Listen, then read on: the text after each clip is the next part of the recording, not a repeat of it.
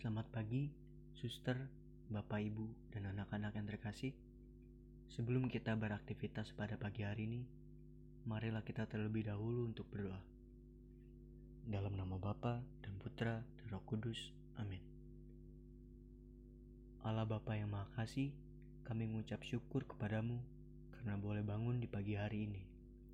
Kami mohon curahkanlah Roh Kudus ke dalam hati kami agar kami dapat menjalankan aktivitas pada hari ini dengan baik dan benar sesuai dengan kehendak-Mu. Dengan perantaran Yesus Kristus Tuhan kami. Amin. Dalam nama Bapa dan Putra dan Roh Kudus. Amin. Bacaan Injil Inilah Injil Yesus Kristus menurut Matius. Mulakanlah Tuhan.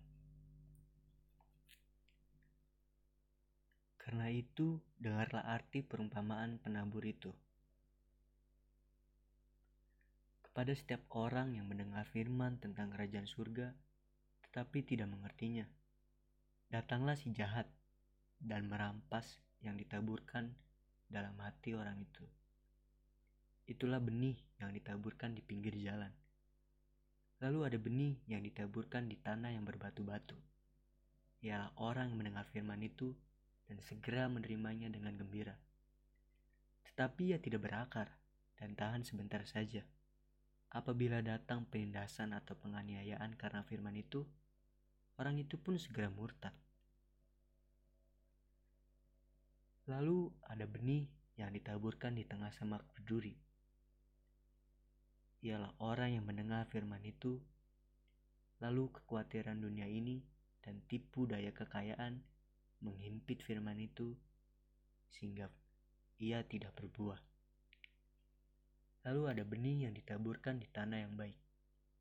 Ialah orang yang mendengar firman itu dan mengerti. Dan karena itu ia berbuah. Ada yang seratus kali lipat, ada yang enam puluh kali lipat, dan ada yang tiga puluh kali lipat. Demikianlah Injil Tuhan. Pujilah Kristus.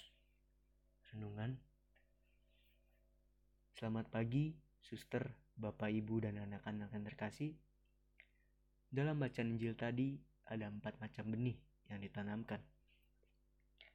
Yang pertama, benih yang ditabur di pinggir jalan. Lalu yang kedua, ada benih yang ditaburkan di tanah yang berbatu. Lalu yang ketiga, ada benih yang ditaburkan di tengah semak berduri. Lalu yang keempat, ada benih yang ditaburkan di tanah yang baik. Pertanyaan untuk kita semua. Kita termasuk benih yang mana? Apakah benih yang ditaburkan di pinggir jalan? Di tengah semak berduri? Mungkin kebanyakan dari kita mengakui kita seperti benih yang jatuh di semak berduri. Kita sering pelayanan dan menerima firman Allah. Hati kita terbuka kepada Allah Firman Allah tumbuh di hati kita, dan kita tidak membuang benih-benih lain dari hati kita. Tetapi ada perkara lain di dalam hati. Hati kita mendua. Hati kita tidak murni dalam pengabdian dan komitmen kepada Tuhan, sehingga hal-hal lainnya ikut bertumbuh dan menjepitnya. Akhirnya tanaman itu gagal tumbuh Memang, mereka memulai dengan baik. Mereka tidak dangkal. Tetapi mereka tidak dapat mengarahkan perhatiannya. Tidak ada ketetapan hati. Hati mereka terpencar-pencar. Tidak terfokus. Anda tidak akan dapat bertahan tanpa adanya kebulatan hati. Kita tidak boleh mengabdi kepada Allah sekaligus kepada dunia. Mari kita ning sejenak. Adakah hati Anda yang murni di hadapan Allah?